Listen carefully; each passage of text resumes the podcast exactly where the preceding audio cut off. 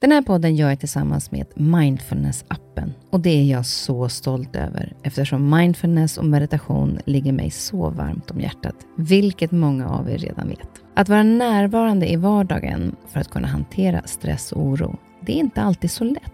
Då kan man ha mindfulness-appen nära till hands för att hjälpa dig när du behöver. För mig kan det vara så till exempel när det gäller sömnen, att vissa dagar då har jag riktigt svårt att komma till ro. Framför allt när det är mycket med jobbet. Då brukar jag använda mindfulness-appen och avsluta dagen med en avslappningsövning för att sänka stressnivån. Det gör det så mycket lättare för mig att somna sen. Oavsett om du kämpar med sömnlöshet, stress eller bara behöver en stund för dig själv så har Mindfulness-appen verktygen för att hjälpa dig att slappna av och sova bättre. Appen är utformad för att passa in i din livsstil med korta övningar som passar även de hektiska schemana. Som lyssnare till Nyfiken på så får ni 40% rabatt på prenumerationen av Mindfulness-appen. Länk till erbjudandet ja, det hittar ni i poddens Instagram, kaspersen nyfikenpa. Eller så går ni in på themindfulnessapp.com kristin. Välkomna till min podd Nyfiken på.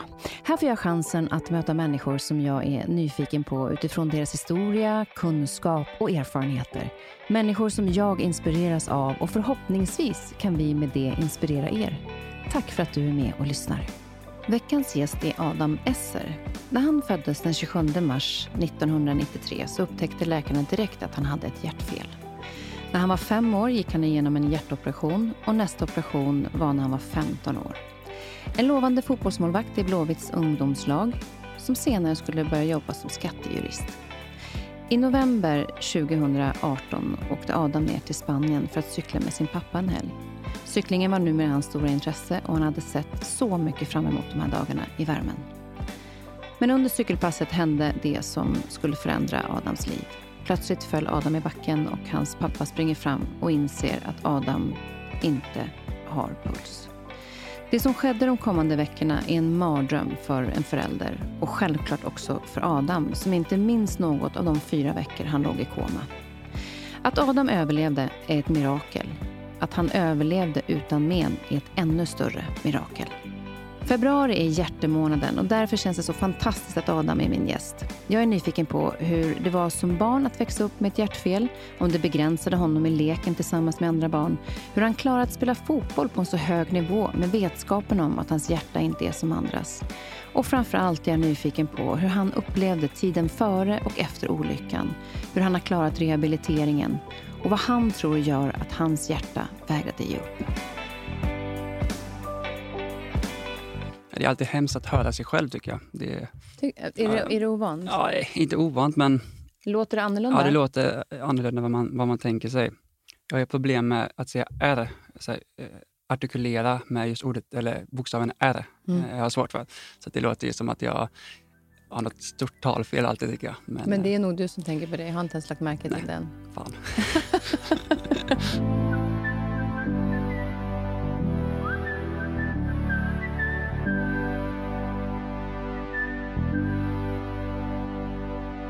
Välkommen Adam.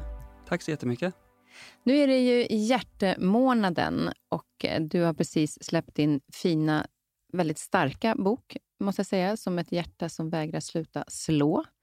Det är ju den här hjärtemånaden nu. Vad betyder den? Framför allt för mig handlar det väl om att, eh, att sprida budskapet om, eh, om hjärtebarn och hjärtfel överlag egentligen. Ehm, eh, framförallt för att jag själv föddes med ett, eh, ett hjärtfel eh, vid födseln. Så tycker att det är, det är väldigt fint att man lyfter det här medialt eh, så pass mycket som man gör för att ja, dela kunskapen om, om, eh, om hur, hur den typen av, av hjärtfel kan hanteras, hur man kan, kan rädda liv också. Eh, om det skulle gå så långt som, som i mitt fall. Då. Eh, just, eh, ja, och och liksom ett fokus på, på hjärt-lungräddning och, och, lite sådana här bitar som jag tycker är väldigt fint att man, att man lyfter. För att det är, det är ganska små saker och väldigt viktiga saker. Mm. Hur mår du idag? Överlag får jag säga att jag mår, mår fint. Det är, det är klart att man, eh, eller man, att jag tänker ofta på, på vad jag varit med om och eh, vilken, vilken lång kamp och resa det har varit. Men eh, överlag får jag ändå säga att jag mår, mår fint. Mm. Vi ska komma in närmare på det som hände och som boken handlar om. Men jag tänkte gå tillbaka till det som, som är bakgrunden då med att du föddes med ett hjärtfel. Vilket typ av hjärtfel var det? Aortastenos är det, heter det. Eh, det är en förträngning av, av en, ena klaffen som gör att eh, att blodet inte eh, når ut i resten av kroppen på, på samma sätt som det ska. Nu vill jag ingen, ingen läkare som kan säga exakt varför, och så där, men ja, det, det, är den korta, korta enkla beskrivningen. Mm. Och, eh, vad, vad, innebär det? För du, det tog ju fem år innan du opererades första gången. På vilket sätt kunde, dina, alltså så här, kunde det märkas på dig att du hade hjärtfel när du var liten? Jag märkte nog inte det så, så personligen, utan det var ju mer när man var på, på, på tester på sjukhuset och sådär, att, att eh, det syntes att det var ett, eh, ett läckage i klaffen, då, så att eh, blodet kom tillbaka in i hjärtklaffen, som jag förstår det som. Vilket inte är speciellt eh, bra. Så att, eh, men, men som barn kunde jag ju leva som vanligt egentligen. Det, jag undvek väl att vara med i så pul pulshöjande eh, idrottsövningar på gympan och sådär.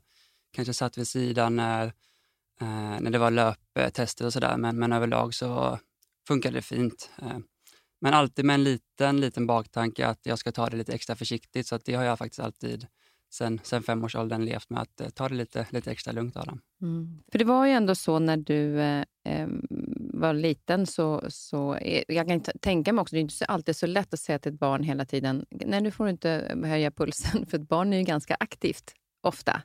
Och du verkar ha varit ganska aktiv med tanke på att du gick in i sportens värld ganska tidigt. Ja, det, det, är svårt att sitta still emellanåt. Man vill ju, framförallt som liten femåring, liksom springa runt på skolgården och, och lira fotboll. Eh, det, det, tycker jag absolut att det, det är något som alla barn ska, ska få göra och behöver för att må bra. Eh, så det, det gjorde jag. Eh, men kände väl emellanåt att eh, det fanns ett litet stopp i, i andningen på vissa sätt, att det liksom bromsade till. Och då vet jag att, att, jag tror det var min mormor som sa det någon gång, att varje gång jag gjorde en liten pulshöjning och, och sprang sådär så ställde jag mig alltid och, och hukade mig. Eh, för att det, det såg ut som att jag tyckte att det var jobbigt att andas och mormor blev alltid väldigt orolig då såklart. Mm. Men så att, ja, jag kände väl det på det sättet, men inget, inget jättebetydande faktiskt. Men idrotten var väldigt viktig för dig. Du började med fotboll. Mm. Ja, eh, hur det blev, eh, det vågar inte jag svara på, men det är väl antar en, ens föräldrar som styr lite vad man, vad man väljer att hålla på med för sport. Eh, men samtidigt så har jag fått det beskrivet också att när jag var 3, 4, 5 så var det alltid, alltid en boll eller fotboll som, som jag valde. När det fanns liksom hundra leksaker så var det alltid, det var alltid fotbollen. Så att det var nog ändå jag som valde det i slutändan ändå. Det var ganska eh. tydligt vad du gillade för sport. Ja, exakt. Det, ah. det låg, jag tog inte golfklubban, utan jag tog eh, bollen, i alla fall fotbollen. fotbollen. Ja, men precis. Um, du, började ju, du tränade ju ganska mycket och um, blev målvakt. Stämmer. Hur kommer det sig att du valde målvakt? Hade det med hjärtat att göra eller var det för att du tyckte det var kul och var bra? Det, det är nog en ganska bra så här, eh, förklaring till det i efterhand, att det var ju ganska sunt egentligen att välja det, för då springer man inte alls på samma sätt, även om man behöver ha god kondition och sådär. Men eh, det är nog lite av en efterkonstruktion också. Eh, det var någon gång i knattefotbollen där den då ordinarie målvakten saknades. Så, så fick jag möjligheten, eller alla, alla killar blev tillfrågade och alla var väldigt så här, nej jag ska inte stå i mål. Så, där. Eh, så tog jag mig handskarna och, och ställde mig. Sen gick det ganska bra, jag tyckte det var kul, så att, eh, sen fortsatte jag. Så det var inget så inget mer spännande än så. Men, men du är ganska ödmjuk när du säger så gick det ganska bra. Alltså, när du var runt i, i 15-årsåldern där så, så fick du ju liksom, var det ju även utländska mm, mm. lag som var intresserade av dig. Ja, det, det gick väldigt, eh, tycker jag själv, var väldigt, väldigt bra och eh, framförallt gick det ju väldigt fort allting. Eh, när man börjar spela i, i stadslag, då, som det kallas, och eh, får vara med på de här elitlägren som finns i Halmstad med landslagsuttagningar och sådär. Då eh, fick jag en inbjudan till att spela eh, prov, provspela för, för FC Köln i Tyskland och det var ju en, eh, en väldigt stor fjäder i hatten att få göra det. Eh, även om det kanske inte fanns någon liksom, liksom, tanke att jag skulle bli, bli värvad och så, så var det ändå en, en helt fantastisk upplevelse att få se eh, miljön, tempot och hur, hur, det funkar nere på, på kontinenten inom idrotten. Att det är liksom ganska ganska hårt tryck, hårda krav, eh, helt annat från, hur vi hade det i, i Sverige. Så det, det var häftigt och väldigt kul. Men när du, när du fyllde, var det vid 15-årsåldern som du opererades eh, andra gången? Ja. Varför blev operationen då? Nej, då hade man ju upptäckt från, från sjukvårdens håll att eh, den operationen som gjordes när jag var fem eh, inte, inte skulle klara den, eh, den typen av ansträngning som jag, som jag pysslade med då inom fotbollen. Även om jag stod i mål så var det ändå ett, eh, en påfrestning på, på hjärtat att, eh, att klara av det här. Så att eh, det var välbehövligt för en ny, en ny operation. Och eh, det var väl där och då ett väldigt, väldigt viktigt val gjordes. Jag fick välja mellan en, en biologisk klaff eller en mekanisk klaff. Mm. kan skulle... du beskriva biologiska klaffen, vad är det för någonting? Då? Det var det som jag hade sen innan, om jag inte missminner mig helt, att eh, biologisk klaffen då en, en, en kalvklaff tror jag man tar eh, och på något sätt för in i, i människohjärtat. Medan den mekaniska då är, som det låter, den är mekanisk. Och eh, fördelen med den mekaniska är att den har en väldigt lång livslängd medan den biologiska eh, har ett bäst före-datum. Eh, men Mekaniska klaffen gör att man måste äta blodförtunnande medicin, vilket då inte är optimalt om man spelar fotboll, för man kan börja blöda väldigt mycket och sådär. Eh, Medan biologiska klaffen är egentligen ja, inga, inga större begränsningar. Så att vi, eh, eller vi, det var jag, jag valde väl då såklart den för att jag hade en tro på att, att sporten skulle kunna bli en, en framtid för mig. Så att eh, det är klart att det var ett, ett svårt och tungt val som, som 15-åring att välja en, ja, hur mitt framtida liv ska, ska se ut och vilken hjärtklaff ska jag leva med. Eh, men med det sagt så blev det ändå den här biologiska klaffen och sen eh, gav vi den upp i, eh, i november 2018 mm. på tok för tidigt. Men efter, efter operationen när du var 15 så eh, spelade du fotboll ett tag till, men det blev inte det som du sen valde. Vad var det som hände där? Nej, det, det, det skar sig lite med den här stora klubben i, i Göteborg som jag spelade för då. Eh, som inte riktigt kunde leva upp till de, till de löften som de hade gett mig eh, inför operationen. Och, eh, jag, ska vi helt ärligt tycker jag väl inte att jag behandlade särskilt eh, schysst från, från deras håll. Eh, finns det väl säkert olika perspektiv på det från olika håll beroende på vem man frågar. Men jag tyckte att eh, de lovorden som jag hade fått inte det var inget jag, inget jag såg eh, eller fick ta del av. Så att jag kände att ja, gnistan försvann lite och jag tyckte att jag, jag kämpade på och bytte klubb och, och sådär. Och tyckte, eh, till slut så spelade jag mest för det var kul och inte för att liksom, satsa på det. Men eh, så småningom så nådde den här insikten att eh, så mycket tid man lägger på det kan man lika gärna satsa på, på något annat som kanske har en, eh, en längre livslängd än, än en fotbollskarriär. Så att det blev mm. studier. Och det var lite grann att de hade lovat att hjälpa till också med det här med läkar backa upp det mm. läkarmässigt? Va? Ja, exakt. Mm. De, det pratades om en, en stor rehabplan och en, en eh, comebackplan eh, för att ta, ta mig tillbaka som kanske inte som jag inte såg i den utsträckning som jag hade hoppats. Mm. Men det, det är historia nu och det ja, har jag glömt. Precis. Men det är en del av din historia. det är det. det, är det. eh, du pluggade sen och kom in då på högskolan och pluggade till jurist. Det stämmer. Eh, varför valde du juristlinjen? Också en, en väldigt bra fråga. Det, Vad är det du tycker är spännande med juridiken? Att det är så pass komplext att det finns så många olika typer av, av områden man kan jobba med. Nu valde jag ju skattejuridik, men det finns ju ett, eh, ett väldigt eh, brett spektrum. Man kan jobba med allt ifrån ja, med brottmål och avtalsförhandlingar och lite av varje egentligen. Så att, eh, det är väl det som fascinerade mig, att man kan få titeln jurist, men kunna helt olika saker egentligen eh, beroende på vilken då inriktning man väljer. Så det är så pass, det är förmodligen, det, det är som, som i läkaryrket, att man specialiserar sig på någonting och eh, det är väldigt, ett väldigt brett ämne eh, som man, jag tror man kan ha nytta av i, i många situationer. Mm.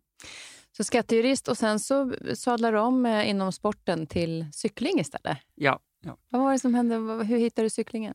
Min pappa har alltid följt eh, cykling, eh, kanske främst på, på tv, sådär, eh, på Tour de France eh, under somrarna. Så att, eh, vi har alltid legat, legat liksom i, i, soffan under somrarna och tittat på det. Eh, och eh, Det fascinerade mig hur, hur starka de här cyklisterna är. Eh, sen vet jag inte hur mycket doping de har i sina kroppar, men det är i alla fall väldigt häftigt. Det, eh, de här liksom tre veckors loppen i Spanien och Frankrike som är ja, det är väldigt imponerande. Så att, ja, men jag tyckte att det, det var nog något att, att pröva på och så fastnade jag vid det. tyckte det var jättekul så att jag kör på. tycker det, det är kul. Man kan vara utomhus. Mm. Har läkarna sagt någonting om just rekommendationerna kring hur mycket, man ska, hur mycket du får träna och, och förhållningen till det? Egentligen är det väl en, en sak som har fastnat i min näthinna som jag fick höra från min, min kardiolog i Göteborg, eh, som jag tycker är väldigt, eh, eh Eh, ett väldigt eh, bra uttryck. Han säger att eh, Adam, du ska tänka och träna som att du är förberedd att eh, låt säga köra Vasaloppet eller cykla Vätternrundan. Så vältränad tycker jag att du är jättebra att vara. Men när du väl står på startlinjen ska du inte köra det, för att då tenderar man eh, att ta ut sig allt för mycket och det hävdar han då inte, inte hälsosamt för någon egentligen, utan det kan liksom, det blir för mycket ofta. Så att eh, det, det är någonting som jag också brukar förhålla mig till att jag tränar på, men jag undviker att göra de här liksom 120 procents höjningarna utan eh, ligger där på liksom 90-80 och, och, och, undviker då att eh, ta ut mig tok för mycket för att det är eh, givet vad som har hänt och också så rekommendationen så om min läkare säger att det inte är bra för någon så tycker jag att man ska lyssna på det. Men du har alltid koll på liksom pulsen och så när du tränar?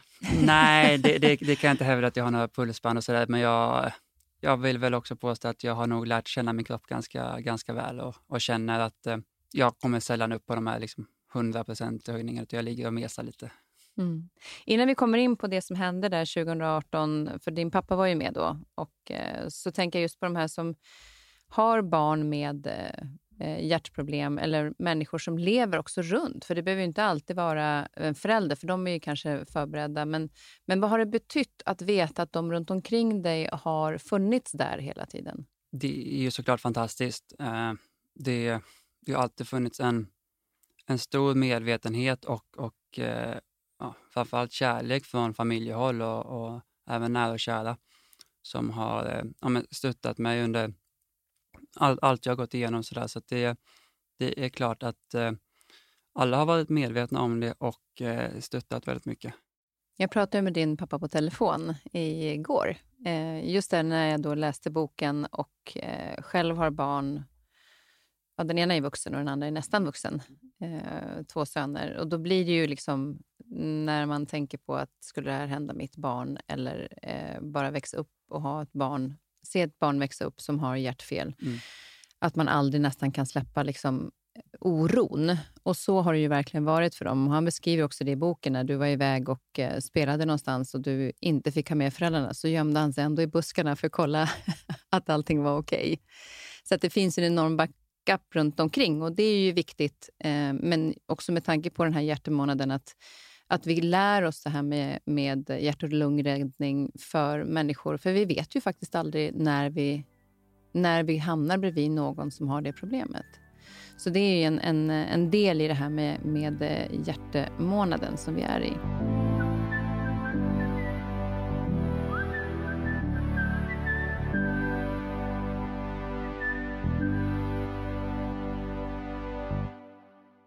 Men om vi då kommer till den här dagen som, eh, när det hände i eh, Spanien. Du, du har börjat jobba då som skattejurist på Deloitte. Ja. ja. Och eh, hade sett fram emot en helg i Spanien. För ni har ett litet, en liten lägenhet där nere som ni brukar åka ner till. Och pappa var redan där. Mm, mm. Du hade sett fram emot den här helgen, va? Det hade jag, absolut. Det var i november, så det var liksom skönt att komma ner till värmen också, eller?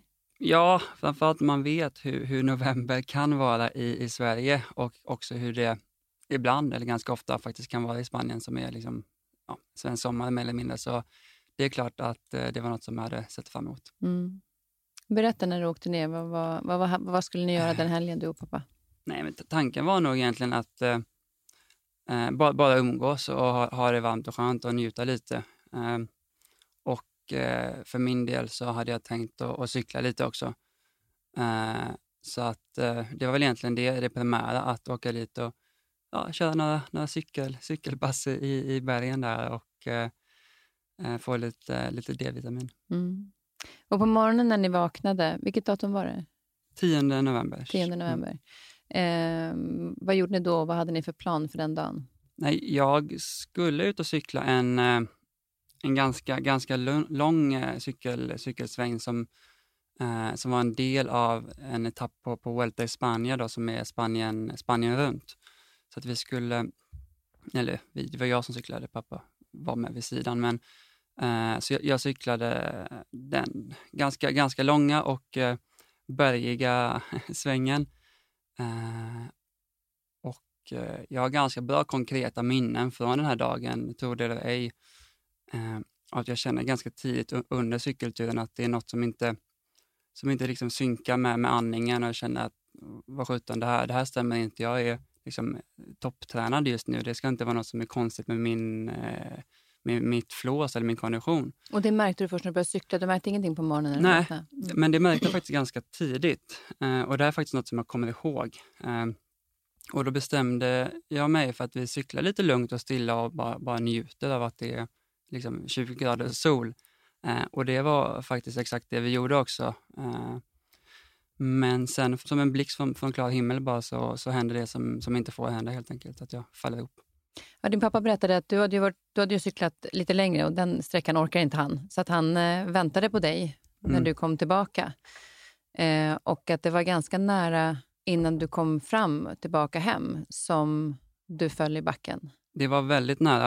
Eh, jag har såklart sett den här platsen eh, många gånger därefter och det är liksom, vi snackar 150 meter till, eh, till målet vi skulle till. Så det, det kunde likväl hänt då när vi kom hem istället, men hände det på, på den spanska landsbygden. Mm. Och han sa också att, eh, han berättade igår, pappa, att eh, det tidigare också hade varit ganska mycket nedför, där du åker ganska fort. Mm.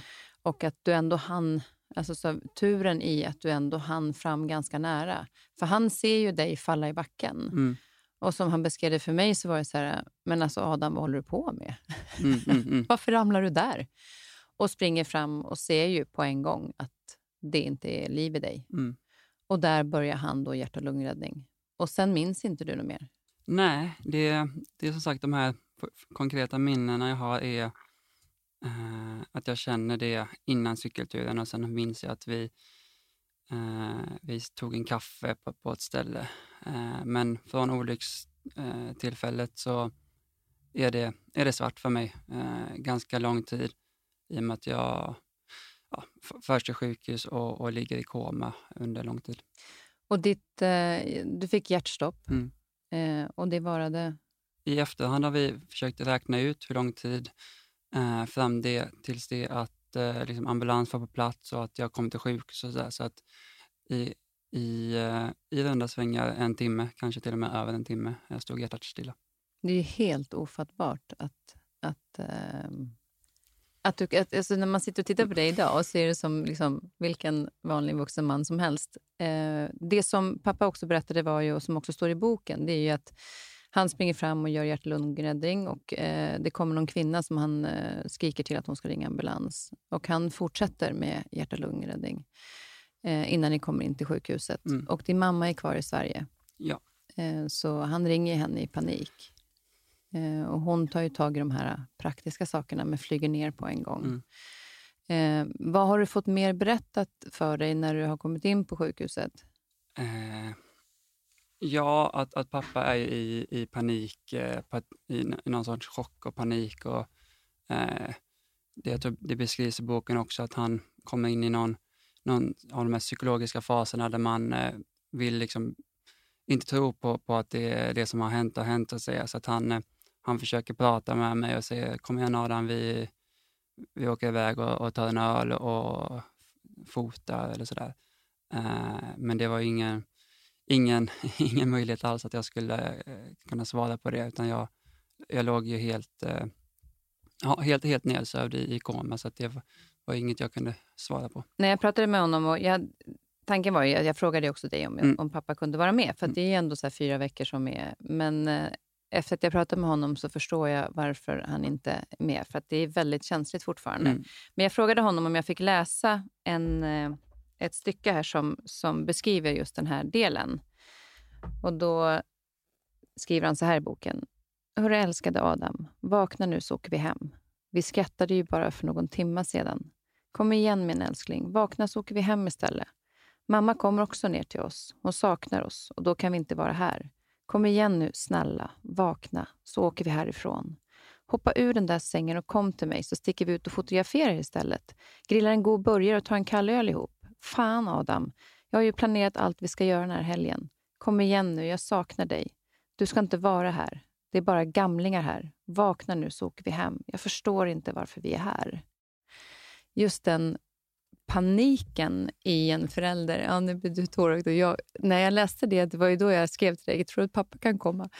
Eh, mamma kom ju också ner mm. och de fanns ju där då för varandra. Och Sen eh, har ju du en fantastisk arbetsplats, för din chef eh, visade sig vara i Madrid när det här skedde. Mm. Eh, mamma heter Anna och hon heter också Anna. Ja. Chefen heter Anna också, för att göra det enkelt. Vad, vad hem, när hon fick reda på, vad gjorde hon då? Eh, det, det, var en, en väldig slump att hon befann sig i, i Madrid som inte är allt för långt ifrån där jag var. Eh, så att hon, eh, hon, hon, fick väl på något sätt då eh, vetskap om vad som hade hänt och eh, lämnade konferensen som hon var på och tog sig till, till mig omedelbart. Eh, och då tycker jag att det, det som är värt att säga är att jag hade jag blev anställd i januari 2018 och det här hände i november så jag hade inte jobbat särskilt lång tid. Men ändå fick jag den här eh, uppbackningen från, från främst Anna och även hela, hela bolaget. Då. Men, eh, så det, det var väldigt fint. Eh, så att hon ordnade ju med försäkringar, tolk till mamma och pappa och psykologiskt stöd och, och, lite av varje. Så att det, det var väldigt fint. Vilken fantastisk uppbackning mm. eh, av chefen.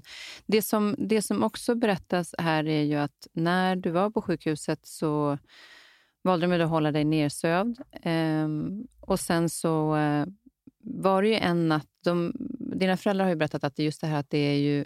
Um, när de, hör man ingenting så är det ingen fara. Men sen kom de ju en morgon och då visade det sig att du hade ju varit nära döden flera gånger på natten. För det hade hänt någonting med lungorna då, eller vad var det som hände? Nej, du vet inte? Nej, jag vågar inte, inte, Nej, för inte det som svara står, på... Det som står det, i boken är ja. i alla fall att du hade ju pendlat fram och tillbaka mm. eh, under natten. Om det var vatten i lungorna eller någonting som hade varit med och påverkat. Så de hade fått återuppliva dig flera gånger. Mm. Vilket gör ju hos föräldrar att man inte riktigt kan lita på nästa gång man åker hem och lägger sig, att det inte händer någonting.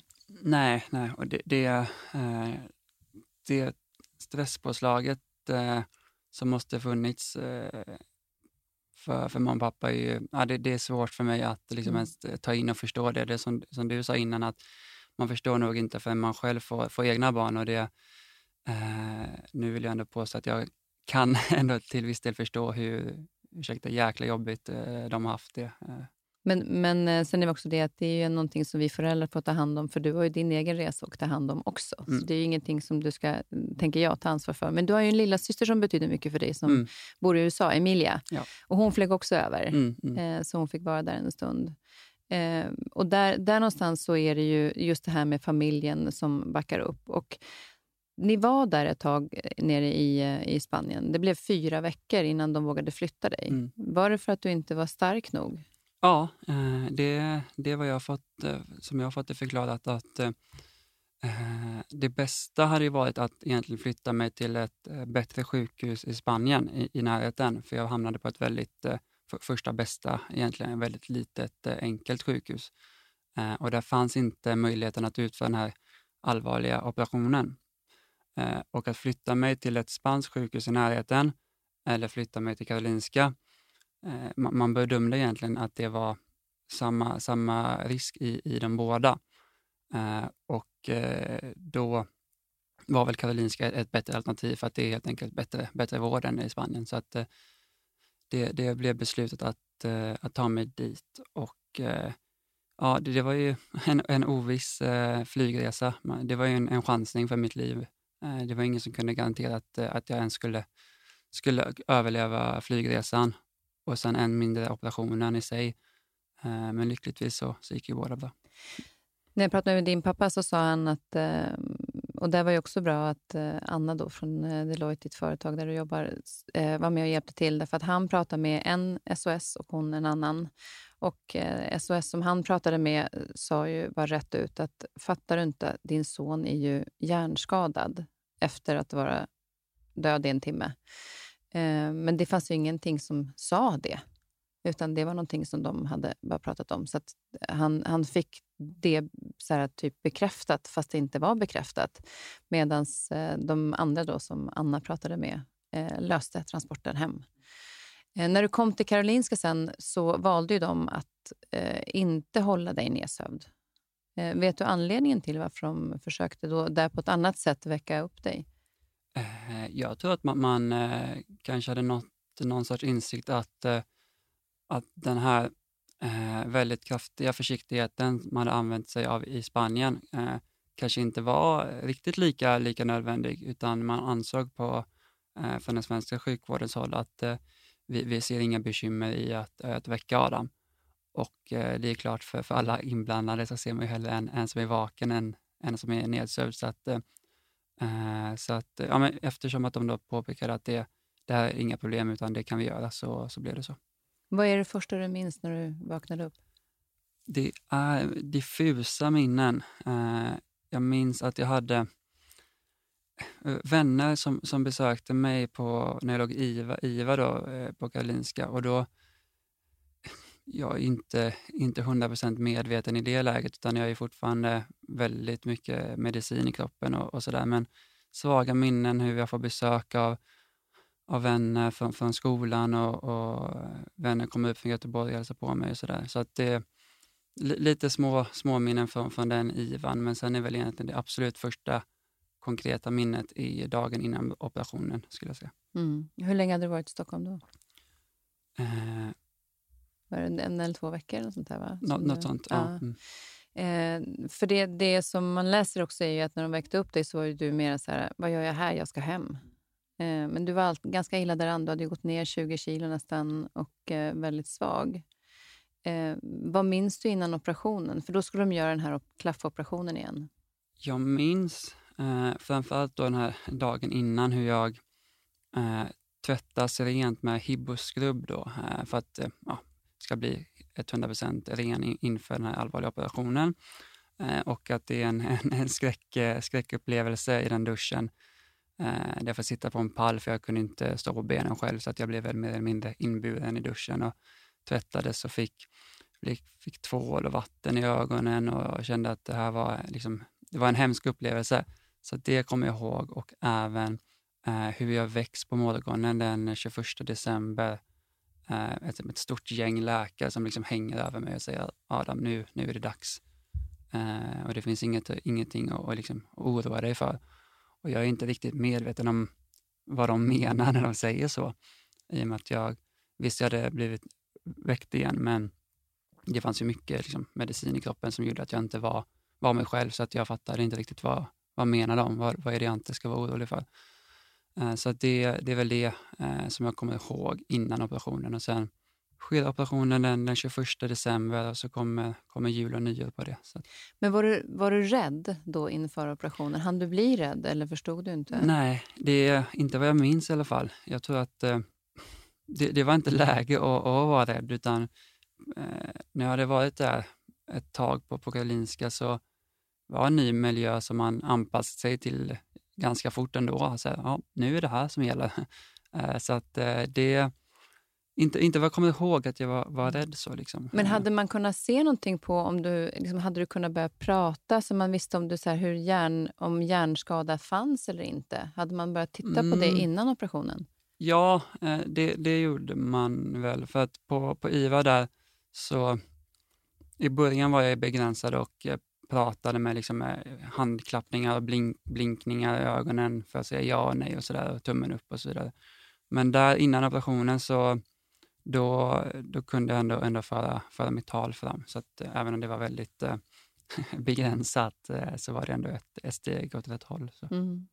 Eh, för jag vet när eh, det står någonting om att när du skulle börja försöka läsa någonting, mm. skulle testa, mm. så hade du vänt det upp och ner? Eller? Ja, jo, men det, det var ju en, eh, en galen upp, uppförsbacke att komma tillbaka. Liksom, läsa var väl bara en, en liten, liten del av allting. Men det finns ett, ett videoklipp från, från julen i, i Spanien, eller förlåt, i, på Karolinska, där där mormor och morfar är och besöker mig och morfar berättar någonting för mig och sitter jag i en fåtölj eh, och lyssnar på det här. Och eh, man ser att jag inte riktigt kopplar vad han säger och jag förstår inte riktigt vad han menar.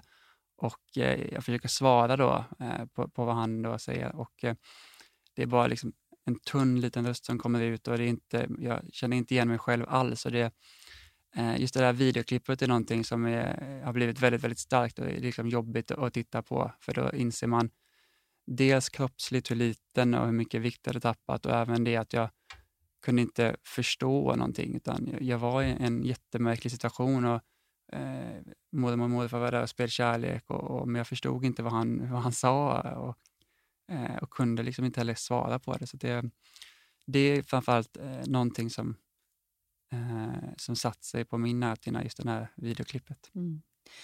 Och du spenderade då jul och nyår på, mm. på Karolinska. Eh, hur var de dagarna? Eh, nej, det är väl egentligen positiva minnen ändå. Eh, det, det var som jag sa, att man, man eller jag anpassade mig så himla fort så att helt plötsligt blev det någon sorts vardag eh, på ett väldigt konstigt sätt. Att, ja, nu låg jag i den här sjuksängen dygnet runt mer eller mindre, med undantag om jag skulle behöva gå på toa. Eh, så att eh, det blev någon sorts ny vardag som jag fick förhålla mig till och eh, tyckte att ja, men det var ju jättefantastiskt att, att vi kunde fira jul där, även om det var ett ett väldigt, väldigt mycket tjat från min sida för, för, till, till mamma och pappa främst att jag vill inte fira jul här och det här är ingen riktig jul och, och påpekade väldigt mycket på att här ska inte jag vara på jul och vi måste ta oss härifrån. Uh, så att jag tror att det har nog varit ganska jobbigt för, för dem, det här liksom tjatet. Att, uh, för jag blev på något sätt som ett uh, litet uh, småbarn igen med allt det konstiga saker som jag sa och liksom, det var ingen möjlighet att jag skulle kunna fira jul på något annat sätt än där, men jag hade någon, någon sorts insikt att nej, nu, nu ska vi härifrån, vi måste hem. Nu liksom, vi checkar ut nu, vi åker hem.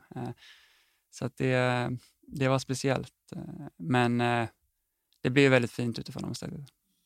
När du fick beskrivet för dig hur, vad du hade varit med om, mm. vad var din reaktion då? Eh, det är också något som är eh, som ett vagt minne. Men vad jag kommer ihåg är att jag, jag, jag bara jag tapp, tappade det och liksom stört grät och tyckte att eh, det här kan inte stämma. Det här, det här stämmer inte. Liksom. Eh, det var vad jag kommer ihåg, att eh, jag hade svårt, svårt att förstå det. Eh, att jag hade varit nära att missa livet och legat i koma så länge. Så att jag kunde nog inte riktigt, eh, eller jag kunde absolut inte ta in det eh, och det är knappt att jag kan göra det nu idag också faktiskt. Eh, men ja. Men kan man uppleva, för du är ändå borta i fyra veckor, hur kändes den tiden som var svart? Var det som att det var från en dag till en annan eller kändes det i kroppen att jag har nog varit borta ett tag?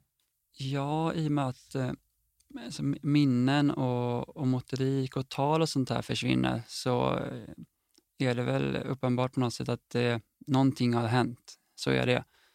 Eh, och på så här, fyra veckor, det, det, är mycket nyheter som kan, kan dyka upp under fyra veckors tid och sådär. så det var mycket hålla koll på vad som hade hänt i omvärlden och sådana här saker som man kanske inte riktigt hade, hade koll på, även om det inte är, liksom, snackar inte om två år utan fyra veckor, men eh, mycket, mycket hade hänt som jag inte riktigt kunde koppla riktigt. Mm. Men ibland har man ju fått höra då, eh, berättat att de som har varit så nära döden eller varit borta i några minuter med hjärtstillestånd, att de har sett något mm. ljus mm. eller, eller något liknande. Har du någon sån upplevelse? Jag önskar att jag kunde säga ja. Eh, det är en, så här, en, en ständig fråga. Eh, nästan ska jag hitta på ett svar nästa gång. Nej, det ska nej, jag, inte nej, jag ska Nej, men eh, det, det gjorde jag inte. Eh, och eh, vad det, vad det tyder på, det vet jag inte, men det var inget, eh, inget så att eh, mitt liv spelades upp i, i fart i hjärnan, utan det, det blev svart och sen var det svart. Men du såg en film sen? Ja. Som ändå där det hände eh, någonting? Jo, men det, det stämmer. Eh, jag kollade på, på Sagan om ringen eh, och när Frodo tar på, sig, tar på sig ringen så försvinner han i någon sorts, någon sorts egen värld i en eh, utopisk eh, situation där han liksom ser massa vita saker och vita människor och sådär.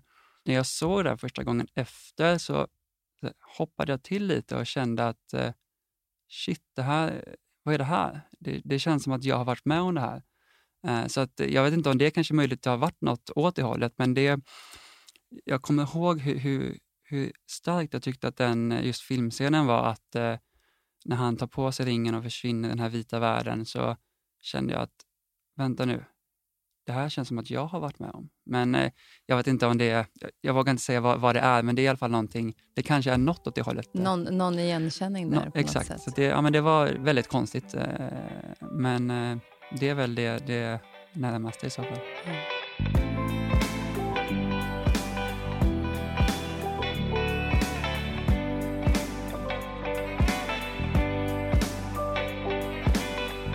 Efter Karolinska så flyttades du till ett annat sjukhus, mm. till Danderyd. Och då skulle du börja din rehab. Eh, vad gjorde du själv? För jag vet att du läste ju texter och sånt för att försöka träna upp dig. Mm. Hur, gick, hur gick det till? Vad gjorde, du, vad gjorde du själv för att träna och vad fick du för rehab? Eh, jo, först och främst så eh, jag tycker det är eh, lustigt, eller lustigt, är intressant hur man valde att placera mig där. Eh, och det beslutet man gjorde var att jag fick ett, eh, ett textutdrag från FNs klimatmöte eh, när jag hade vaknat i koma nyligen på liksom engelska, akademisk engelska. Eh, och så förhördes jag på, på lite frågor från det här häftet då, eh, någon timme senare.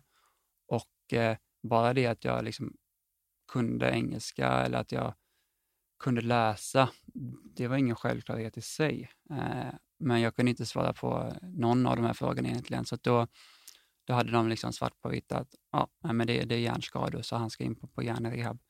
Eh, så att eh, det, eh, det var beslutet till det. Och sen när jag väl där på plats så var det mycket kognitiva övningar och liksom placera, sätta pussel och eh, som sagt, bara det att öva på att skriva sitt namn tog ju sin lång tid. Och, eh, men för att bara kunna, kunna gå eh, första gången jag kunde gå igen var på, på nyårsafton 2018. Och det är också någonting som man helst inte vill eh, vakna upp till och känna att fasen, benen funkar inte. Det är något som har hänt. Det här går inte. Så att, eh, det, var, det var en lång, en lång väg. Men det krävs ju väldigt mycket envishet och eh, kämparanda från ditt eget håll. Har du alltid varit så? Att du är liksom envis och det här ska gå? Ja, det har jag nog varit. men, men samtidigt när man eh, är i den typen av situationer, man känner att eh, det är svårt att prata, det är svårt att gå, eh, svårt att knyta skorna, att ta på sig kläderna utan att sätta liksom, tröjan åt fel håll, sådana här saker, då tycker jag väl att man känner rätt tydligt att det här är en situation som inte är hållbar, utan jag får liksom ta alla redskap jag kan för att ta mig härifrån och och eh, ta mig vidare i livet mm. så, så gott jag kan. Kan man inte bli förbannad ibland? Jo, helt klart. Jo. jo. jo. Och så, punkt. ja, det, det, exakt. Nej, jag kunde skriva en ny bok bara om det. det. Nej, men det, det är klart man blir ju otroligt eh, förbannad. Men jag tänker just att frustrationen är att jag vet att tröjan ska sitta åt ett mm. håll, men det blir åt annat håll. Ja, men absolut. Just, just tröjan är ett, ett väldigt tydligt exempel. Jag fick en, en hoodie från min syster eh, i julklapp och det är en hoodie med ett stort tryck på, på ryggen och en luva på, på ryggen. Då såklart. Så att, eh, det är ganska tydligt åt vilket håll man ska ta på sig den, eh, tycker jag nu i efterhand. Men den satte jag på mig åt fel håll eh, varenda gång så att luvan var över ansiktet. Eh, alltså varenda gång och det stora trycket som var på, på ryggen satte jag då på magen. Eh, och jag förstår inte riktigt hur, ens, hur det var möjligt. Eh, mm. eh, men det, det var väl ett sånt tydligt, eh, konkret exempel på liksom hur... Ja, det var ju något som hade hänt, att de här hjärnskadorna kanske inte fanns riktigt, men, men det var ändå någonting som inte var, var som innan. Det kopplade inte eh, kanske nervsystemet Nej. på rätt sätt. Utan det, Exakt. Men det tränade du upp. Mm. Jag vet också att du eh, tränade mycket mm, låttexter. Ja. Det finns det... någon speciell... Eh, Eh, det är väl, Artist som du... Ja, absolut. Det är, det är Håkan Hellström. Han är ju en, en husgud. Så är det. Mm. Eh, och han, eh, han släppte ett eh, nytt väldigt eh, vackert album, tycker jag, under 2018 som egentligen då släpptes eh, bit för bit under tiden jag låg i koma. bland annat låten Tro på livet som är väldigt fin och även Vänta tills våren. Och det är två låtar som spot on kan appliceras på, på min situation det, det är en, en, låt som är väldigt, väldigt fin. Och just det här Vänta tills våren var egentligen den, den blev min, min låt på något sätt. Eh, för jag var på den här hjärnrehaben och liksom, det var som nu ett snöigt Stockholm och iskallt och jag ville bara liksom framåt till, till våren. Så att eh, eh den blev någon sorts, eh, någon sorts kamp, kampsång kan man säga. Men det var väl också så att någon av de här texterna var lite svåra att lära sig också mm, eh, melodiskt på något sätt. Och du envisades med att ja, det här ska jag sätta. Jo, men det, ja, exakt. Jo, men det är nog den, den väntar tills våren. Den är, om man lyssnar på den så är den en väldigt eh, knepig, lite flummig text och melodin går lite hipp och hupp och sådär. Eh, men eh, eh jag tog det som en liten, liten kamp. Jag kan egentligen alla hans texter från, från liksom, varenda liten låt kan jag. Eh, men den här var jobbig, så, men här måste jag kunna. Så att, eh, jag tog väl det som någon sorts delmål och kände att eh, när jag kunnat memorera och lära mig den här texten så bör man, tyckte jag då kanske, att undvika de här på, påfrestningarna och påpekanden om att jag har hjärnskador, för nu har jag lärt mig den här knepiga, knepiga text, textraden. Så du hade dina egna små knep för att visa att det här ja. är ingen eh, fara. Men, och, men också när, när du låg på Danderyd så var det ju eh, du var ju relativt, alltså för, med tanke på vad du har varit med om, så var ju du relativt okej okay om man jämförde med många andra mm. som var på avdelningen. Hur påverkades du att vara på en avdelning när de andra var äldre och sämre än... Ja, jätte, jättejobbigt. jättejobbigt. Mm. Eh, det var det som jag försökt också eh, beskriva i andra, andra mediala eh, sammanhang och i boken, att man får ju något enormt perspektiv på livet och uppskatta det, det lilla vi har liksom för varenda, varenda liten detalj eh, och få se liksom livets skörhet på, på en liten tråd. Att de som var mina medpatienter hade gått igenom betydligt värre saker och också då lyckligtvis överlevt, men man såg att många av de här kommer ju vara på det här rehabcentret resten av livet. Eh, eh, de kunde inte, kunde inte prata, de kunde inte gå. De hade liksom hjälm på sig i matsalen för att inte ramla ur sin, sin rullstol. Och liksom det, det, var, det var långt ifrån en läkande miljö och det var, det var tungt, och, tungt att vara det, helt mm. enkelt. Och de sa att du skulle vara där ungefär sex månader. Mm, Men mm. så blev det inte när man är envis? Nej, det, det var, var inte möjligt att det kunde vara det ett halvår. Det, det hade inte funkat. Så att, eh, de här sex månaderna blev faktiskt sex veckor. Och då var du så pass stark och så pass klar mm. att du kunde får komma hem? Ja, eh, mina testresultat har ju gått liksom spikrakt eh, framåt. Och det, den typen av eftervården är inte så särskilt eh, individbaserad utan man har sina mallar som man förhåller sig till och, och sådär. Och det kan man ju kanske förstå. Men i och med att varje unikt fall är så pass speciellt så tycker jag att man bör ändå på något sätt resonera kring att ja, man kanske ska tänka annat här. Eh, för Adam är, han var 25 år och eh, eh ja, en bra utbildning i grunden och det kanske inte alla, alla som var där eh, var så pass unga och eh, hade den bakgrunden. Eh, så att, ja, men att, att, göra den här indelningen att alla ska gå i samma mall, det, det kanske inte liksom synkar med min, min idé om, om rehab, men nu är inte jag någon expert på det. Mm. Men när du kom hem, vilken typ av form var du i då? Eh, men det, det blev fortsatt, fortsatt rehab faktiskt i, i Göteborg därefter. Eh, så att eh, fram till eh, våren, nästan, nästan sommaren 2000, 2019. Så det var ju ett... Vilken typ av rehab var det då? Var det, det, det var, fysiskt eller var det Nej, det var, det var samma typ av Igen. saker. Ja, exakt. Det var bara det att förhoppningen var att jag skulle få samma typ av, av vård, alltså daglig rehab där, men de hade inte, hade inte möjlighet att erbjuda den typen av, av så många tillfällen så att man fick komma liksom två dagar i veckan istället för liksom flera timmar per dag. Eh, så det blev inte riktigt eh, som tänkt. Men eh, det var ganska skönt att få kunna vara hemma istället. Mm. Och när började du träna upp? För jag tänker just det att, att det var ju hjärnrehab. hur gick det med liksom att träna upp kroppen igen? För du hade ju en grundlig fysik. Mm. vad tror du att det har betytt när du tränade dig tillbaka? Väldigt mycket. Och det är också vad alla, alla läkare och inom parentes experter också har hävdat då, att det faktum att jag var ganska bra fysiskt tränad är ju en stor del att, eh, att utfallet blev så pass, så pass väl.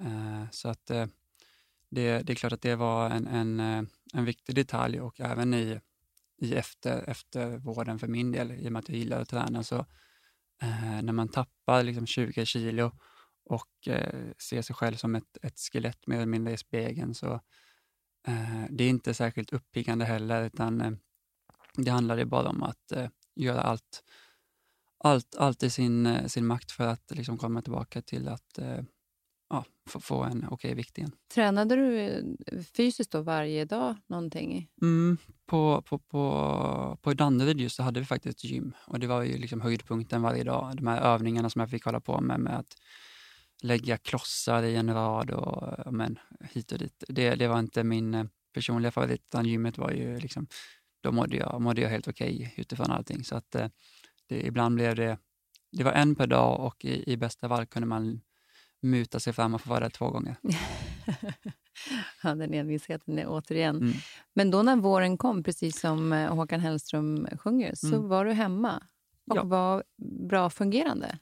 Utifrån omständigheterna var jag väl okej. Okay. Ja. Mm. ja, det måste man ju säga med tanke på att du i november hade en timmes hjärtstopp mm. och fyra veckor i koma, så är det ju ett mirakel.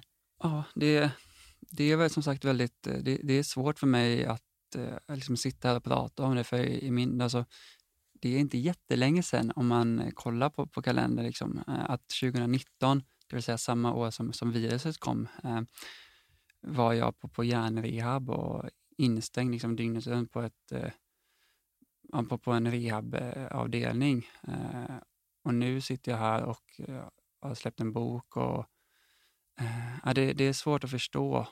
Och det som jag också tror att även för alla, alla som har sett mig och hört om det här, det, det är inte någon som faktiskt kan liksom ta in det på riktigt, utan jag tror att man måste ha varit på plats och, och sett det för att faktiskt förstå. Så att, eh, att se mig liggandes liksom för döden eh, eh, och se mig idag, det, det, jag tror det är svårt att ta in om man faktiskt inte har varit där. Så det är väl liksom min familj eh, och min bästa kompis Sven eh, samt eh, chefen Anna då, som, som är de enda som kanske liksom har någon eh, viss, eh, viss del som faktiskt kan förstå. För det, det är som sagt svårt för mig själv. Mm. Och Vad betydde det sen när, när sommaren kom och det här med midsommar, att få vara tillsammans med vänner igen när du hade varit så illa däran? Ja, ovärderligt såklart. Det, det är ett, äh, ja, nej, men framför allt när man, när man då äh, fick någon sorts insikt hur illa det kunde ha gått. Så att kunna få åka och liksom fira midsommar med kompisar och ha kul och, och glädja sig. Så det är klart att det var ju fantastiskt. Blir det så att, att uh, livet får liksom ytterligare mening på något sätt när man har varit så otroligt stått på kanten däremellan? Ja, men det, det vill jag nog hävda. Det kanske inte är något unikt att säga så, men eh, det, man får ju något, liksom, ett otroligt perspektiv på livet. och eh, kanske man värdesätter det bara att det, oj, idag är det sol och så är jag jättelycklig att det är sol. Eh, och eh, ja, så små saker som, eh, som värderas. att man kanske inte ska satsa liksom, hela sin själ i liksom, sin karriär och arbetsliv, även om det såklart är jätte, jätteviktigt. Men det finns så mycket annat också att ta vara på. Att liksom, hu huvudsaken är ju någonstans tycker jag att man, man ska må, må bra. Eh, och nu har man sett, eller jag har fått eh, känna på hur, hur, nära man kan, kan mista allt, allt fina man har. Och då försöker jag ju värdesätta det eh, så gott man kan. Såklart.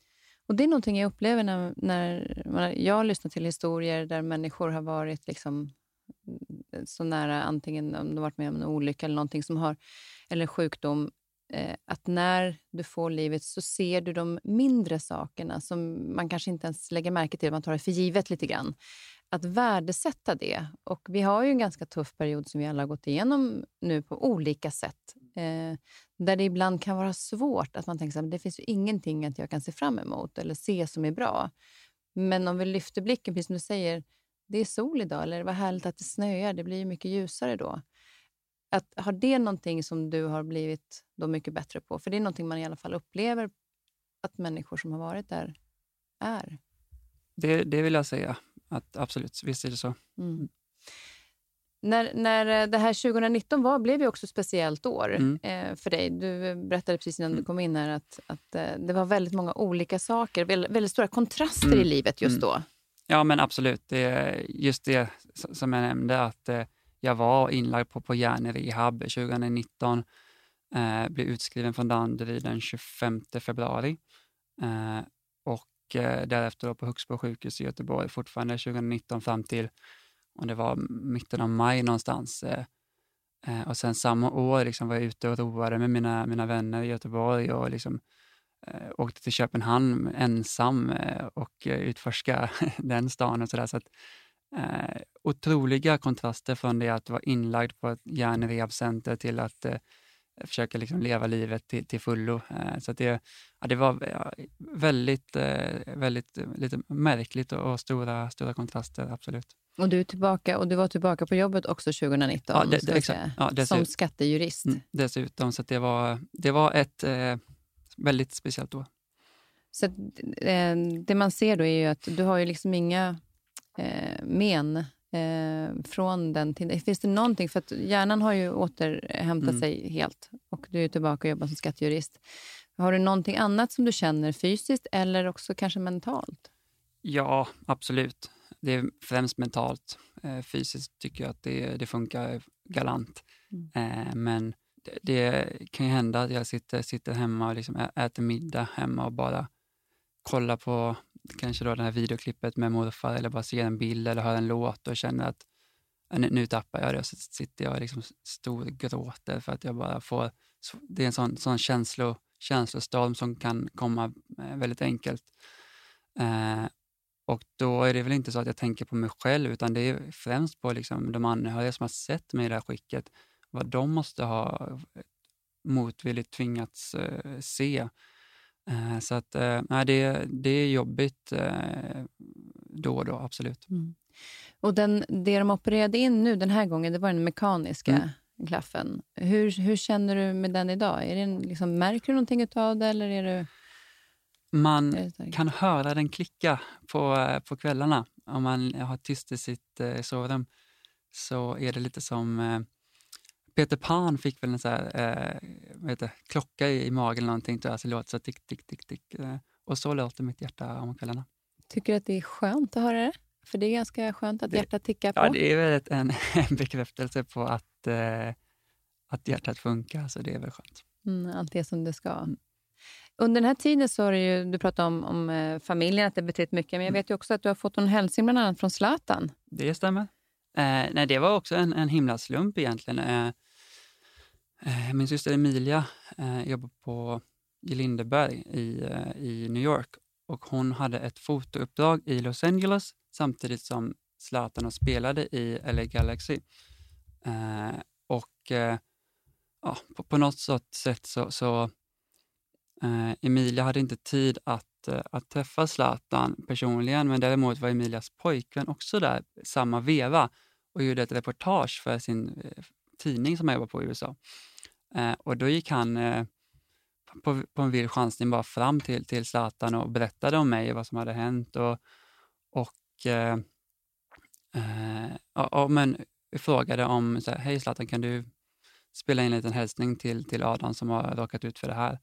Eh, så fick jag en, en personlig videohälsning, så det var väldigt häftigt. Vad betyder det? Ja, det var ju fantastiskt eh, stort. För att, eh, främst kanske för att Adam, som han heter då, eh, Emilias pojkvän, sa att Zlatan verkade ganska tagen av, av det hela. Att han, man märkte på honom att han tyckte att wow, det här är något, eh, en, en galen, galen story. Så att det, det är klart att jag skickar en videohälsning. Och att få det av liksom Sveriges, kanske genom tidernas bästa idrottsman är ju något eh, fantastiskt. Mm, häftigt.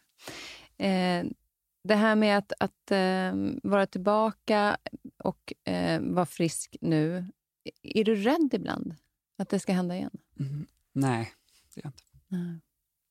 Så du är inte, att, att, den, att den delen har släppt? Ja, det, jag har nog inte aldrig... eh, Efter olyckan har det väl inte funnits någon, någon rädsla på det sättet, eh, tycker jag. Mm. Eh, det är bara det att jag måste äta, får jag äta blodförtunnande medicin nu, vilket eh, man måste förhålla sig till vad man, vad man äter, vad man dricker och sådär. Så det är väl de här värdena på, på mina ja, blodprov som, som, är det, som, är den, som är det jobbigaste, men det är en väldigt liten bagatell. Mm. När man har livet? Exakt. Och du har tatuerat in också varan på armen. Det har jag. Ja, varan är den medicinen då som är blodförtunnande. Yes. Ja, den där ska jag ta en bild på. ska lägga ut den på Instagram. En fin bild. Tack, tack. Du har också en cykel vet jag på ena andra sidan. Ja, det blev lite av varje här. Eh, Vad, jag- vad betyder Vi ska lägga ut de här bilderna så ni får se. Ett hjärta och en cykel på ena sidan. Sen, har vi, Vänta tills våren. Du har tatuerat in den såklart. sen är det, ja, det är massa dumheter. Nej, men det är härliga, men det är väl ändå viktiga saker för dig? Ja, men jag har aldrig liksom haft något behov av, av just tatueringar sådär sen innan, men eh, det blev någon sorts, det blev så naturligt tycker jag, för att alla de som jag nu har skaffat mig under 2019 här är väl, eh, eller 2020, har, någon, det har någon mening, så att det är inte bara massa kladd och trams, utan eh, all- Och det så fortsätt också. Mm, det, ja. Så att, eh, ja, men det, det finns en, en mening i alla. Och sen är det när man har tagit, gjort en tatuering så gör man ju fler. Det är det jag har fått höra, men Ja. nu, nu är det stopp för min del. Eh, Jag, jag eh, gjorde också tatuering tillsammans med min... eh, När min son fyllde 18 Mm. så skulle han göra sin första. Ah, ja. Och då sa jag, men då gör jag en med dig. Och då var det ju liksom på, på sidan där vid revbenen. Eh, och sen tyckte jag att jag var jättemodig. Och då var det någon som sa just det att mm, en tatuering, då kommer du göra fler. och det blev det. Ja, nej, men det, ska vi, det är min, min morfar som är inspirationen. Han har en ganska stor eh, skada på sin kropp. Ja, nu får jag se. Men vilken underbar bild. Får jag lägga ut den här på Instagram tror du? För det är så svårt att förklara här för... Ja, för förstår. men det är en fantastiskt eh, härlig vithårig man med sköna tatueringar på kroppen. Alltså vilken cool ja, människa. han är häftig. Vad heter han? Mikael Nordström. Mikael. Oj. Ja, den där är eh, underbar bild.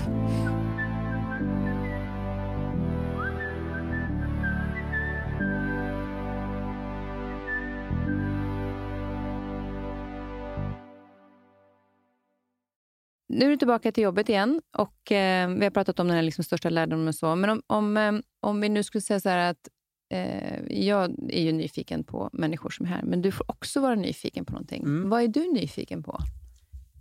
Det är ju mycket man, man är nyfiken på i, i situationen vi har just nu, men eh, det som jag har visualiserat mig lite i min eget huvud är det här, ja, men den bilden som, som dök upp efter, efter, efter kriget egentligen, när folk liksom sprang runt och kysste varandra på Kungsgatan av lycka och eh, liksom bara spred glädje och lycka. Eh, så jag är nyfiken på om vi kommer få uppleva något liknande. Det är svårt att se att liksom människor springer runt och kysser varandra, vilket kanske hade varit fint i och för sig. Men eh, väldigt, väldigt nyfiken på vad eh, som kommer komma ut efter, efter all ursäkta, skit som vi, vi har haft nu. Eh, Eh, och det är nog inte bara jag själv som är nyfiken på det, utan det är nog eh, hela Sverige. Ja, det ska bli väldigt intressant också. För just det här med att, att vaccinet kommer, kommer det öka successivt för, som med kriget? Och då var det från den ena dagen Mm. till den andra. Här vet vi inte, är det så här att den dagen de släpper att ja, nu får ni kramas och ni får gå ut på restaurang. Ja, Är det då vi kommer att så här, gå man ur huset? Eh, eller är vi fortfarande lite rädda? det, exakt. Det, det ska bli väldigt spännande att se. Ja. Och, eh, Vad ser du mest fram emot när den här pandemin är över? ja, men, som du sa, att kunna krama människor och eh, liksom få trängas på ett dansgolv och liksom, gå på Håkan Hellström med 70 000 personer på Ullevi. Eh, vilket jag verkligen hoppas kan bli av. Eh, så det är ja, men, närhet till eh, medmänniskor Ja, alltså som man längtar efter det. Och träffa ja, men, mormor och morfar och sådär också. Ja. Och det är just de också som är i den här riskgruppen som Mm. inte får komma nära. Eh, närheten ska bli eh, fantastiskt. Mm. Bara få en kram. Det var så när du kom. Jag bara, nej, men vi tar armbågen. Ja, men jag tycker den, eh, den växer. Jag funderar på att fortsätta med den efter allting, att eh, armbågshälsningen är det nya. Ja, och det är många som säger faktiskt som inte tycker om att kramas, som tycker att det är ganska skönt att det är så här nu. Ah, okej. Att man inte måste kramas jämt. Aha, jag älskar att kramas. Ja, men det gör ju jag med. Så att jag kan ju inte säga annat än att jag längtar till att det där kommer tillbaka.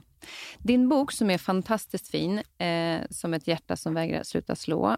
Är det på Adlibris, Bokus och CDON? Eller vilka? Ja, exakt. Men sen brukar jag säga att eh, det bästa sättet är väl egentligen att, att eh, skriva till mig på Instagram, Adam Esser, eh, så kan jag skicka den liksom på, på studs och så slipper man betala frakt och sådär. Så det skulle jag säga. På DM, Ja, exakt. Mm. Det skulle jag säga är det absolut bästa. Men annars så finns den online också. online. Mm. Eh, jag vet att du också börjar föreläsa. Ja. Ja, om man vill ha dig som föreläsare, vart eh, går man ut och hittar dig? Eh, Sai.se heter agenturen. Mm. Eh, och det är väl samma där att man kan boka via mig personligen också. Eh, men eh, det har tyvärr inte dragit igång eh, såklart. Men eh, det ser jag fram emot verkligen. Mm. Och vad, vad, vad är det du känner framför allt att du vill göra med din historia? I och med att jag, jag själv tycker väl att den här berättelsen är, det kan ju vara helt världsunik egentligen att någon har klarat sig så pass väl. Så att jag vill liksom berätta om, det är mycket av det som står i boken också, om kampen tillbaka.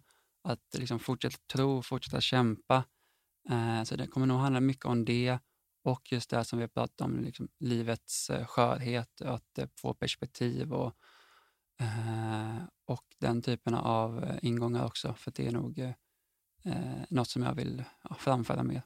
Och såklart också eh, viktigheten i HRR, eh, som är något otroligt. Precis, för det säger man, har man väl sagt också då, att, att mycket, vad man tror är som gör att du är så pass återställd och tillbaka Mm. eh, utan men efter den här timmes hjärtstopp och koma, är ju för att din pappa körde hjärt och lungräddning på dig så intensivt Mm. fram till dess att, att eh, ambulansen kom. Är det det som de tror var avgörande, eller? Ja, eh, det, det är nog så. Eh, men sen är det så att det är verkligen det är en faktor eh, att eh, man är snabb och omedelbar med hjärt-lungräddning.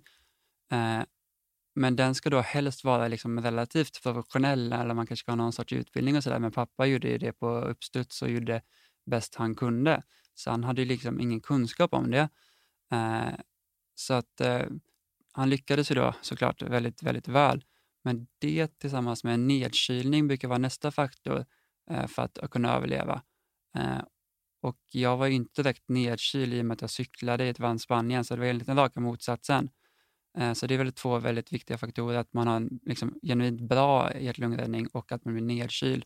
Och de två båda kanske jag liksom inte riktigt har bockat av och klarade mig ändå. Mm. Nej, men som jag vet också, din pappa Klaus, han har ju ändå haft med sig hjärt och lungräddning, eh, alltså tanken på att Mm. göra den, jo. och, och, eh, den, men inte den kanske professionella som, som, som sjukvården ger. Mm. Men däremot att göra någonting istället för att eh, bli rädd att titta på. Så det ska vi verkligen påpeka, att det här Mm. med hjärt och lungräddning är någonting som egentligen alla människor ska utbilda sig i. För du vet Mm. ju faktiskt inte vem du står bredvid på bussen eller när det kan hända. Nej, och det, det är också någonting som jag har funderat på också. Det hade kunnat hända precis när som helst. Jag bodde på, på, eh, i, en, i en lägenhet, det var eh, femte våningen utan hiss till exempel. Det kunde hänt när jag liksom gick upp för trappan efter jobbet och kunde fallit upp i trappan och ingen hade sett mig och det kunde hänt ja, till och från jobbet eller, eller när eller var som helst. Eh, Så att, eh, ja, men den, den kunskapen är väldigt viktig. Mm. Så var inte rädd att gå fram om någonting händer och gör någonting. Och man ska också trycka väldigt hårt, fick jag förklarat med mig, för mig när jag var i, i Nyhetsmorgon i, i förra veckan. Mm. Att eh, man, ska, man ska tänka på att man ska krossa revbenen, man ska trycka väldigt, väldigt hårt. Ja, för det hörde jag. Det var någon som sa så att, ja, men det var inte, alltså, att, att ett revben går sönder, Mm. det spelar ingen roll eh, i det läget. Eh, för att det gäller bara att få igång...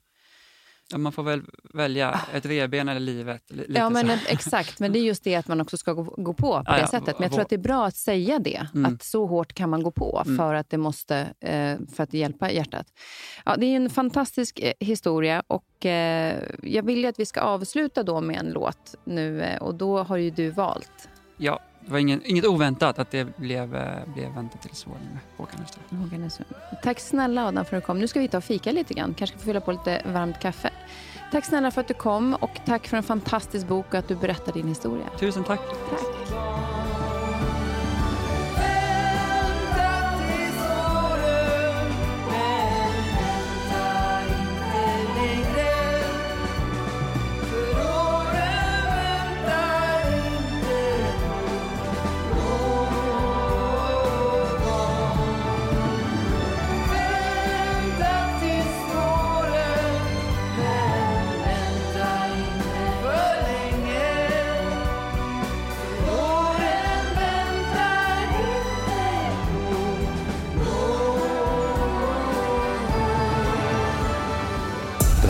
Podcasten är producerad av Perfect Day Media.